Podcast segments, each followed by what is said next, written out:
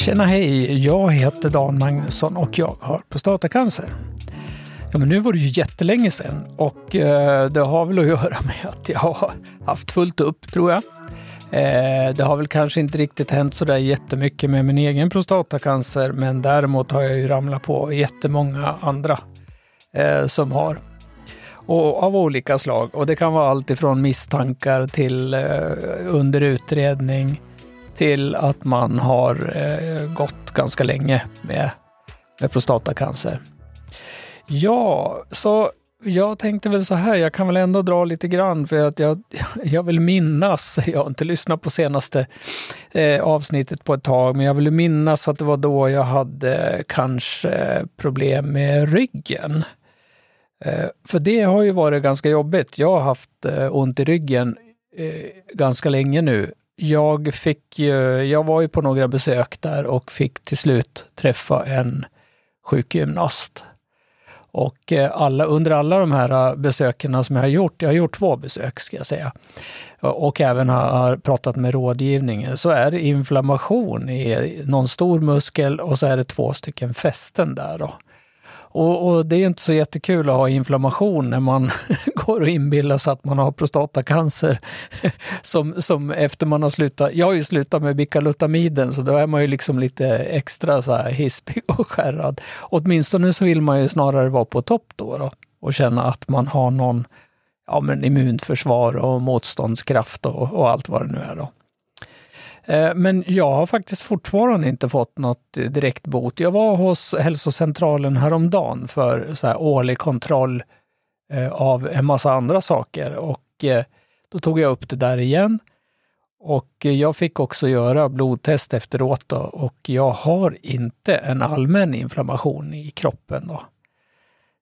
I övrigt så har jag ju kvar mina pirrande ben som fryser och jag har också eksem kvar som jag hade, jag hade väl liksom önskat mig att det hade, skulle gå över när jag bytte från de här Varan som hade färgmedel till Varfarin istället.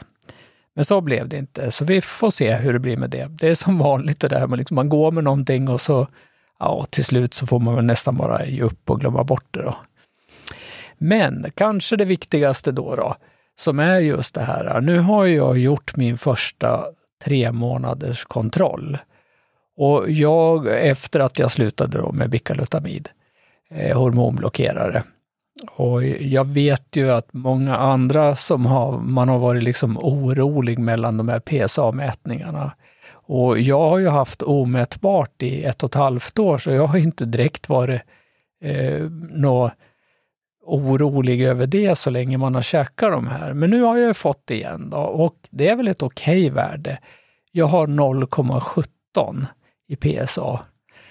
Och, och har man spridd cancer och har liksom tiotal, kanske hundra, så tycker man väl det här är eh, jäkligt lågt. Då. Men mitt sista som jag gjorde innan, eh, nu ska vi se, nej, det, måste vara, det var nästan två år sedan.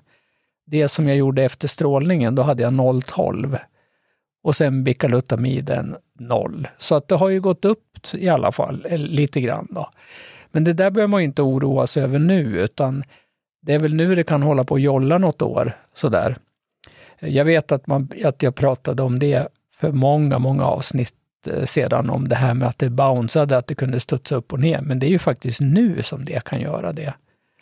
Så, eh, och ja, vi får se helt enkelt då hur man kommer att ta det framöver. Då.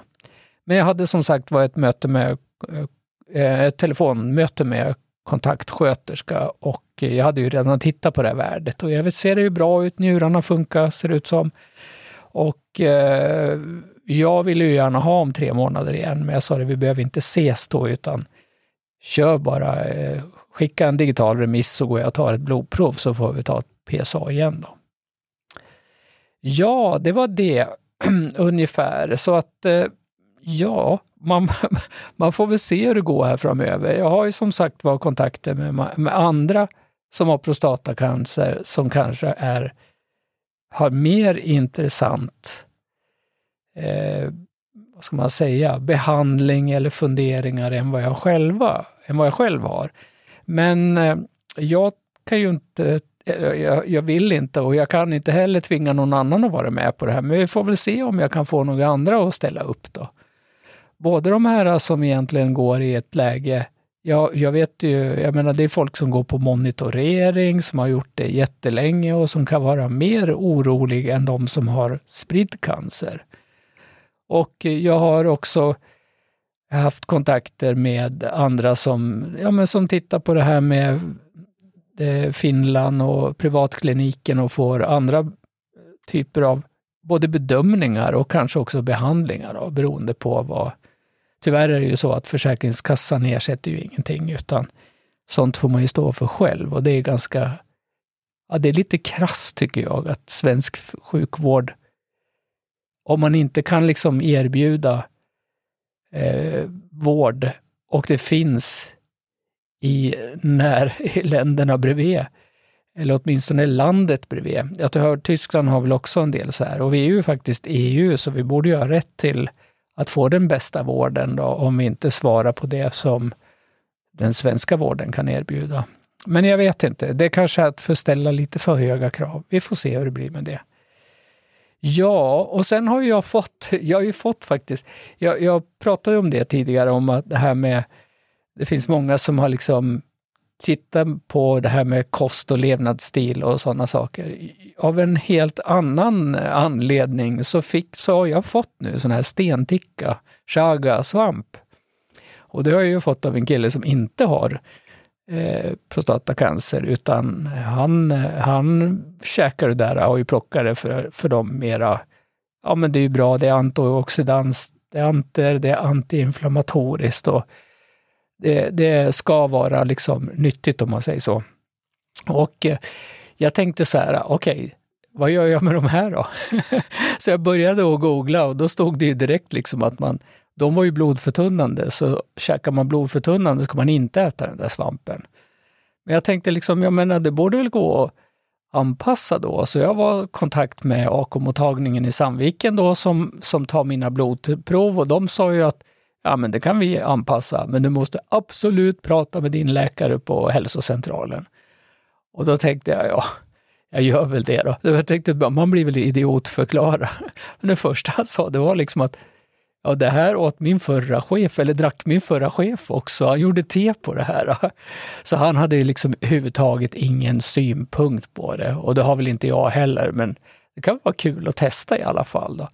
Och jag kanske väntar tills jag har pratat med de här eh, prostatabröderna, får vi kalla dem för, cancerbröderna som har borrat mer det här, alltså som har mera kunskaper än vad jag har om det. Då. Så vi får se hur det blir då. Ja, i övrigt då, så varför gör jag det här nu när jag knappt har någonting att säga? Eh, jag tänker så här, jag har poddinspelning med kund. Eh, när är det då? På torsdag va, är det. Och jag har nästan fullt på mitt minneskort här och jag behöver liksom ställa ordning och alltihopa. Så då var det lite läge att göra det nu, redan nu. Uh, ja, och annars är det väl så här, jo, jag mår bättre också i huvudet tycker jag. jag. Jag känner så här att man behöver ha planer för framtiden på något sätt. Och eh, vi har åtminstone bokat en resa. Vi skulle åka till Utrecht för det var, vi hade hittat en konsert där, men vi hamnade i, nog i Parga istället i Grekland. Eh, och sen fyller min, min fru fyller ju 60 till hösten, så då kanske det skulle vara läge med någon resa också. Vi får se. Men jag, jag känner att jag behöver såna, sånt att titta fram emot som jag längtar efter och ja, men ser att jag har liksom en anledning att finnas till ungefär. Så det, det känns mycket, mycket bättre nu. Ja, ja, nog slutsnackat om det. Vi hörs och ses. Jag kanske har något mera intressant att berätta nästa gång. Vi får se. Ha det så bra. Hej då!